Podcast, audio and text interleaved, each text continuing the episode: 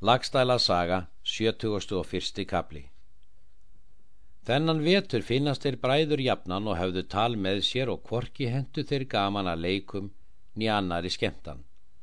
Og eitt sinn er þorleikur var í tungu þá töluðu þeir bræður svo að dærum skipti. Snorri þóttist á vita þeir myndu stort nokkuð ráða. Þá gekk Snorri á tal þeirra bræðra.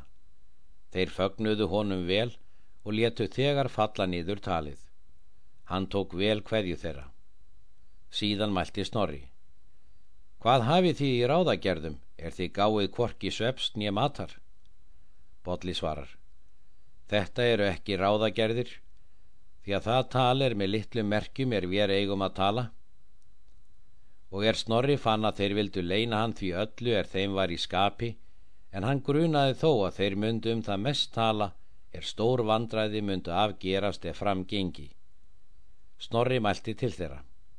Hitt grunar mig nú, sem það muni kvorki hjegómin ég gaman mál er því munu lengstum umtala og virði ykkur til vorkunar þótt svo sé og geri svo vel og segi mér og leini mig eigi. Muni vér eigi allir verð kunna um ráða þetta mál því að ég mun hvergi móti standa það gangi fram er ykkar sómi vaksi við. Þorleiki þótti snorri vel undir taka sagði hann í fám orðum ætlan þeirra bræðra að þeir ætla að fara þeim Ólafssonum og þeir skildu sæta afar kostum. Segja sér þá ekki til skort að hafa jafnan hluta þeim Ólafssonum er þorleikur var handgengin Ólafi konungi en bolli komin í magðir við slíkan höfðingja sem Snorri er. Snorri svarar á þá leið. Ærið hefur komið fyrir vík bollar Helgi var Harbeinsson fyrir goldin eru helsti mikil vandraði manna áður orðin þó að staðar nefnum síður Bodli segir þá. Hvað er nú snorri? Ertu eigi jafn kvass í liðveislunni sem þú lést fyrir litlu?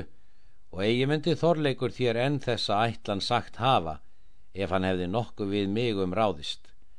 Og þar er þú telur helga hafa komið í hefnd fyrir Bodla þá er mönnum það kunnugt. Að fjö kom fyrir víg helga en fadur minn er óbættur en er Snorri sá að hann fekk þeim eigi talið hugkvarf þá býð Snorri til að leitum sættir með þeim Ólafssonum heldur en manndráp tækjust og því játtu þeir bræður. Síðan reið Snorri í Hjörðarholt með nokkura menn.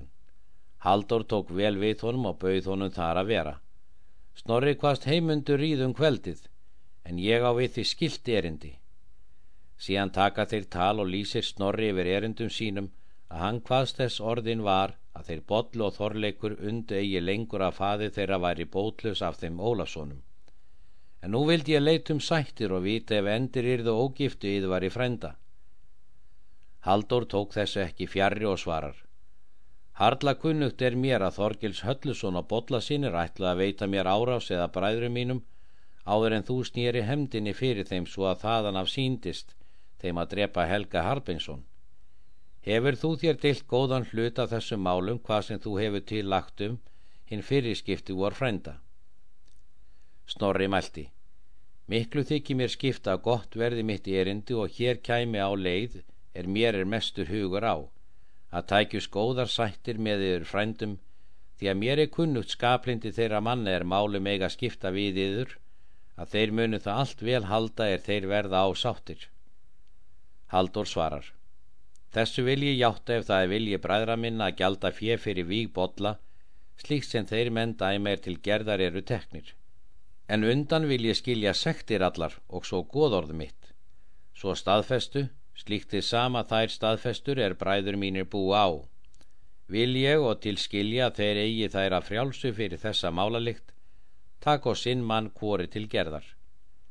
Snorri segir, vel og skurulega er þetta bóðið, munu þeir bræður þennan kost taka ef þeir vilja að nokkur að hafa mín ráð?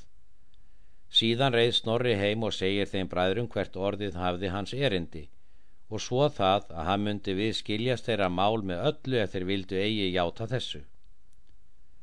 Bodli bað hann fyrir ráða og vil ég Snorri að þér dæmi fyrir voru hönd. Þá sendir Snorri orð Haldóri að þá var ráðin sættin. Bað hann kjósa mann til gerðar til móts við sig Haldur kaust til gerðar fyrir sína hönd Steinþór Þorláksson og Eyri. Sættarfundur skildi vera draungum á skóarströnd þá er fjóra vikur er á sumri.